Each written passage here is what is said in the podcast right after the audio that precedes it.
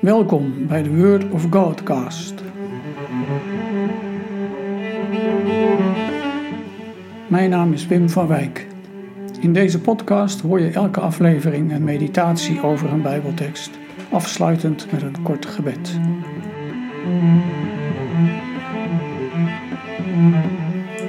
Vandaag over zondag letare. Letare betekent wees verheugd. Deze vierde Lijdenszondag heeft als liturgische kleur niet het paars van de Lijdenstijd, maar roze-rood. Dat geeft haar een lichter karakter dan de andere zondagen. In een tijd van één keer zelfbeproeving, berouw, is er een lichte tinteling van vreugde. Te midden van het vasten is er een moment van licht en van opleven. Wees verheugd. Deze naam is nu niet ontleend aan de beginpsalm van de eredienst, zoals anders, maar komt uit de profetie van Jesaja. In Jesaja 66, vers 10 lezen we: Laat alle die Jeruzalem liefhebben zich met haar verheugen en juichen om haar. Laat allen die om haar treuren nu samen met haar jubelen. Twee kernwoorden: vreugde en Jeruzalem. Jezaja tekent in het Bijbelgedeelte, je zou het voor jezelf helemaal kunnen lezen dit hoofdstuk.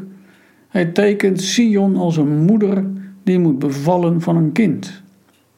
En als het kind gezond en wel geboren is, dan is er vreugde. In deze profetie is het een plaatje van de geboorte van het nieuwe godsvolk. Gods nieuwe wereld breekt zich baan. En Sion, Jeruzalem, is de moeder die deze wereld aan het licht brengt. En dit beeld wordt verder uitgewerkt door de profeet. Aan haar moederborst zul je drinken, verzadigd worden en troost vinden.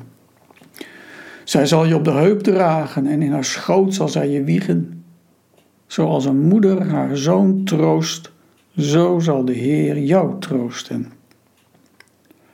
En als je dat ziet, zegt de profeet, zal je hart zich verblijden. Wees blij, omdat Jeruzalem haar naam waarmaakt, stad van vrede. Tegelijk loopt er door het evangelie heen ook een harde tegenstelling rond die naam Jeruzalem. Uit Jezus' mond horen we de woorden, je kunt ze lezen Matthäus 23, vers 37, Jeruzalem, Jeruzalem, dat de profeten dood en stenigt wie naar haar toe zijn gestuurd. Hoe vaak heb ik je kinderen niet willen bijeenbrengen, zoals een hen haar kuikens verzamelt onder haar vleugels. Maar jullie hebben het niet gewild. En we zien de tranen van Jezus over dezelfde stad. Had jij maar geweten wat vrede kan brengen, maar je hebt de tijd van Gods ontferming niet herkend. Lucas 19, vers 42, 44.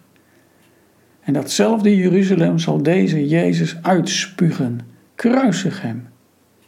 Buiten de poort zal hij de smaad ondergaan door te sterven aan een kruis.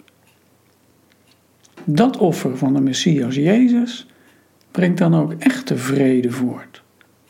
Door hem heeft God zijn volk opgezocht. Paulus zal later schrijven dat er een aards Jeruzalem is en een hemels Jeruzalem en dat die onze moeder is. Dat zij het is die troost en vrede brengt.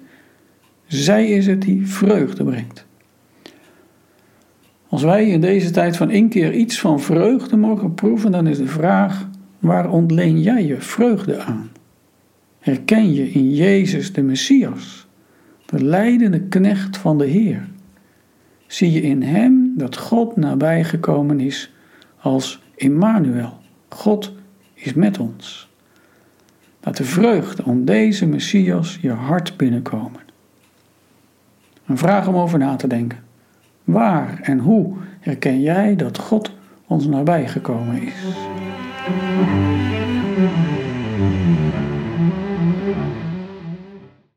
Gebed. Almachtige God, we verlangen naar de troost en de vreugde van uw genade. Schenk ons die door de Heilige Geest, in de naam van Jezus Christus. Amen.